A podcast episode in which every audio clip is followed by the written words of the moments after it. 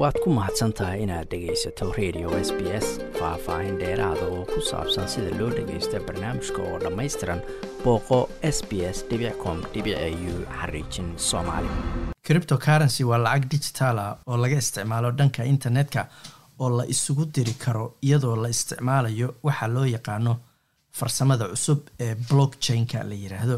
Waxaad jeebka ku wadan kartaa qadaadiic ama coins digital ah laakiin cid maamusha sida lacagta caadiga ah oo ay bangiyadu mas'uulka ka yihiin ma jirto oo lacagtaas dijitaalka ah kuu ogolaanaysa inaad marka aad rabto isticmaasho. Dad badan oo reer australia ah ayaa maalgashada cripto currency laakiin aan la socon khatarta la xiriirta lacagahaasi elektroniga ah iyadoo tuugo inta badan ay isku daydo inay ka dhaadhiciyaan oo ku khiyaanaan dadku inay maal gashadaan farsamo been abuur ah oo lagu gadayo cripto currency cripto currency waxay bilaabatay bilowgii labadii kun markaas oo tii ugu horreysay suuqa dijitaalka ay soo gashay taasoo loo bixiyey bitcoin. Waxaa la sheegay inuu sameeyey bitcoin-ka satoshi nakamoto oo ah qof ama koox aan haybtooda saxda ah la aqoon ama la shaacin. Lacagta dijitaalka ah waxay ku shaqaysaa waxa loo yaqaano criptography oo inkasta oo laga sameeyey code ama lambaro iyo tiro qarsoon iyadoo la isticmaalayo macluumaad lagu kaydinayo xirmooyin isku xiran ama blocks waxaa la yidhaahdo nidaamkan ayaa loo yaqaanaa blockchain technology. Fred shapester waa la aasaasaha filinder com a u wuxuuna sheegay. Blockchain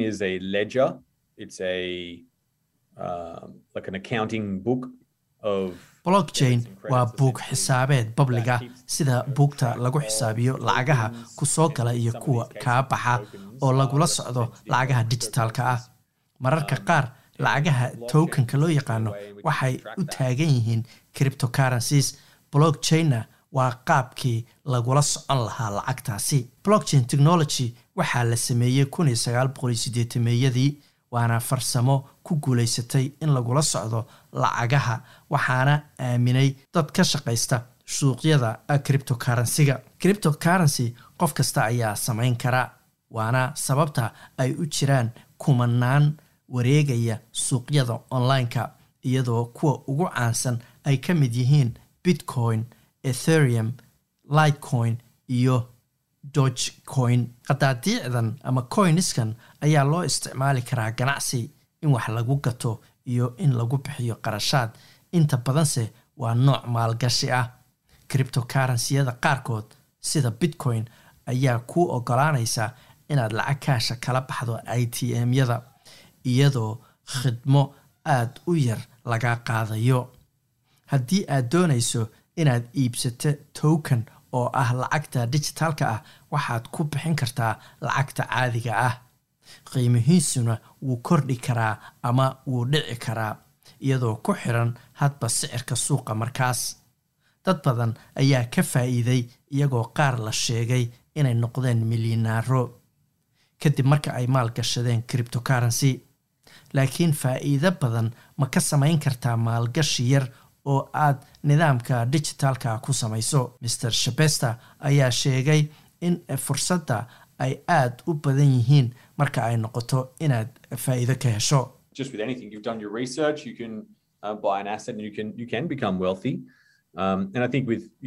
sida noocyada kale ee maalgashiga haddii aad si fiican u baarto oo aad hanti gashato waxaad noqon kartaa qof qani ah waxayse ila tahay in gaar ahaan cripto currency ay muuqato in dad badani ay gateen. haddii aad iibsatay tusaale ahaan bilowgii sanadka oo aad lacag badan gelisay aad buu qiimuhu u kacay.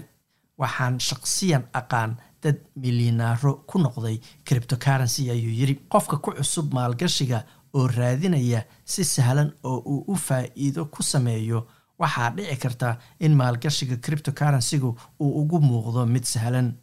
Laakiin faa'iidada badan waxaa garab socda khatarta ah inaad ku khasaarto. Cripto currenciyada caalamka oo dhan kama jirto shuruuc maamusha taasoo macnaheedu yahay inaysan jirin hay'ado bangiyo ama hay'ada maaliyadeed xakameeya nidaamkan. Blockchain technology waxaa loo aasaasay qaab dadka maalgashada oo keliya ay u maamulaan oo wax ka bedeli karaan sida loo kala gato lacagtan taas oo ka dhigi karta criptocurrency-ga mid aan la isku halayn karin.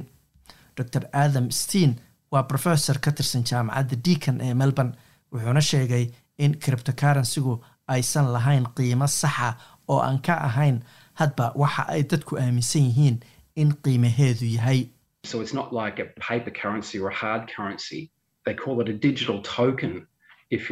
Ma aha sida lacagaha adag ama lacagaha waraaqaha ah. waxaa lagu sheegaa digital token. Marka waa lambaro qarsoon oo ah hal iyo eber oo kombyuutarada ku jira. Sida uu leeyahay dor steen criptocurrency waxaa loo bilaabay inay noqoto fursad maalgashi oo casri ah oo wax la mida aysan hore u jirin waxaana kadib jeclaaday oo ka helay dad badan. Maadaama criptocurrency aysan lahayn hay'ad maamusha dad badan oo maalgashaday ayaa lacaga badan uga khasaareen ama ka lumeen markii la khiyaanay. Noocan lacagaha ah waa mid aan la taaban karin taas oo keeni karta in khayaano iyo dhac u yimaado. Labadii kun iyo toddobiyo tobankii criptos currency loo bixiyey plus gold union coin ama b g u c loo soo gaabiyo ayaa looga dhawaaqay australia waxaana daneeyey markiiba dad badan oo ka soo jeeda bulshooyinka soo galootiga ah. Lacagtan ayaa lagu sheegay in laga helayo faa-iido ka badan laba boqol oo kun muddo laba sano gudahooda haddii aad maal gashato toddoba kun iyo shan boqol oo dollar oo ah lacag yar. Marka loo eego faa-iidada laga helayo dadka faafinayay tokenkan ama lacagtan ayaa si gaara u beegsaday bulshooyinka jinsiyadaha wuxuuna markiiba noqday mid dad badani ay aamineen. Dadkii daneeyey inay wax ka ogaadaan lacagahan iyo sida ay u shaqayso waxaa lagu casuumay xaflado waaweyn oo cuntooyin leh oo ka dhacay magaalooyinka dalka oo dhan. Xafladahaas sida sare loo soo agaasimay waxaa si gaar ah loogu soo jiidanayay maalgashadayaal iyo in dadka imanayay aysan goobta ka tegin iyaga oo aan saxiixin. John dow oo ah qof magaciisa saxda aan bedelnay si haybtiisa loo qariyo ayaa sheegay in saaxiib uu ku casuumay xaflad ay dhigatay shirkadaasi criptocurrency-ga ee la yiraahdo plus gold union coin labadii kun iyo toddobiyo tobankii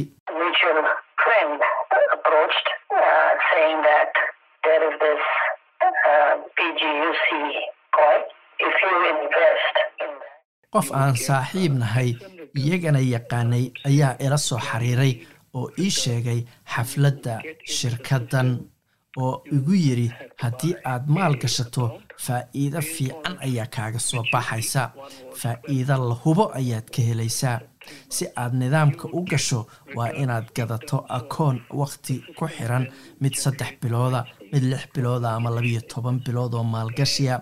Qiimaha tookankuna wuu kordhayaa markii xilligii aad qabsatay uu dhammaado. Master dow ayaa sheegay in nidaamka oo dhan si habaysan loo soo bandhigay oo casri ah oo aad u jeedid inuu yahay olole suuqgeyn ah.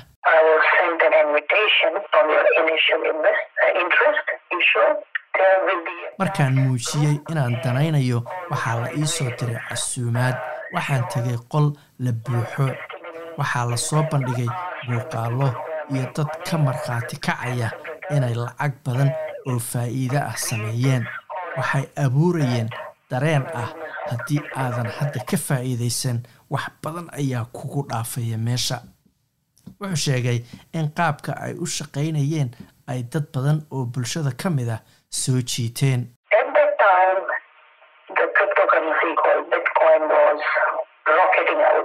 waagaas criptocurrency magaceedu yahay bitcoin ayaa cirka maraysay marka iyadaa la soo xiganayay iyo qiimaheedu sida uu u kacay. Waxaana loo sheegay inay ka bilaabatay hindiya. Dadka watay shirkaddan iyo kuwa lagu qancinayay inay maal gashadaan waxay u badnaayeen ama ahaayeen dad hindi ah. Kadibna disembar labadii kun iyo toddobiyo tobankii qiimihii shirkaddan b g u c ayaa dhulka galay. Dadkii maal gashadayna way shakiyeen oo waxay ka shakiyeen in la qayaanay ama la dhacay. Inta badan kooxaha dadka qayaana waxay beegsadaan shaqsiyaadka nugul waana mid sahlan in la fahmo sababta bulshooyinka soo galootiga ah loo beegsado adduunka oo dhan oo la dhaco ama la khiyaano. Luqadda oo ku adag ayaa ah sababta ugu weyn oo dadka soo galootiga ah ay u noqdaan dhibanayaasha khayaanooyinka noocan ah.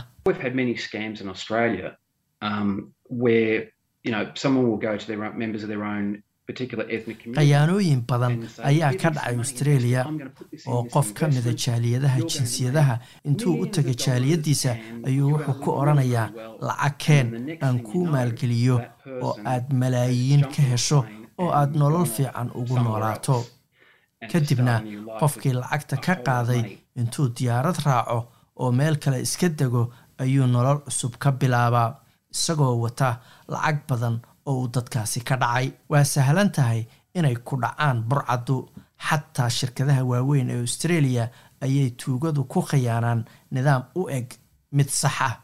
Laakiin sidee ayaad u garan kartaa khayaanada ama dhaca? Dor steen ayaa sheegay inay sida ugu fiicani tahay inaan iska ilaalino iimaylo aadan filaynin ama aqoon cidda soo dirtay. Hana u jawaabin cidda ku siinaysa talooyin maalgashi oo aan la xaqiijin cidda ay yihiin xataa haddii ay ka imanayaan qof aad taqaano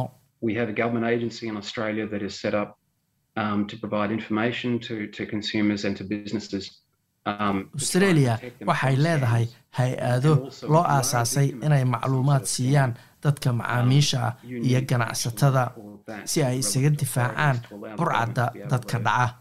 haddii lagu khayaanay ama lagu dhacay waa inaad u sheegto hay'adaha qaabilsan si dowladdu u xirto dariiqa dadkaasi ay isticmaalayaan ama u raadiyaan cidda ka dambaysa haddii ay awoodi karaan. Ka tala qaado dadka xirfadda u leh oo hawshan khibradda u leh bulshada ay doonaanba ha ka soo jeedeene.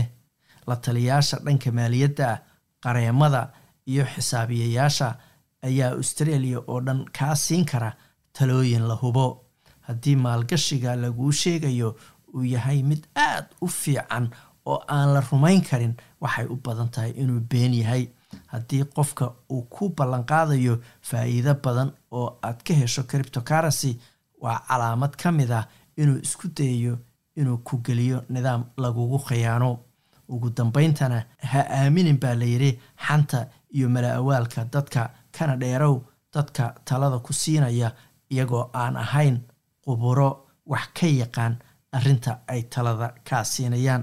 Macluumaad dheeraada waxaad booqataa www money smart gov au waad ku mahadsantahay inaad dhegaysato raadiyaha s b s. Toos u dhegaysa barnaamijka habeenada arbacada iyo jimcada tobanka fiidnimo. Ama kaga soo cesho website-ka iyaga iyo s b s radio app. Booqo s b s com au xariijin soomaali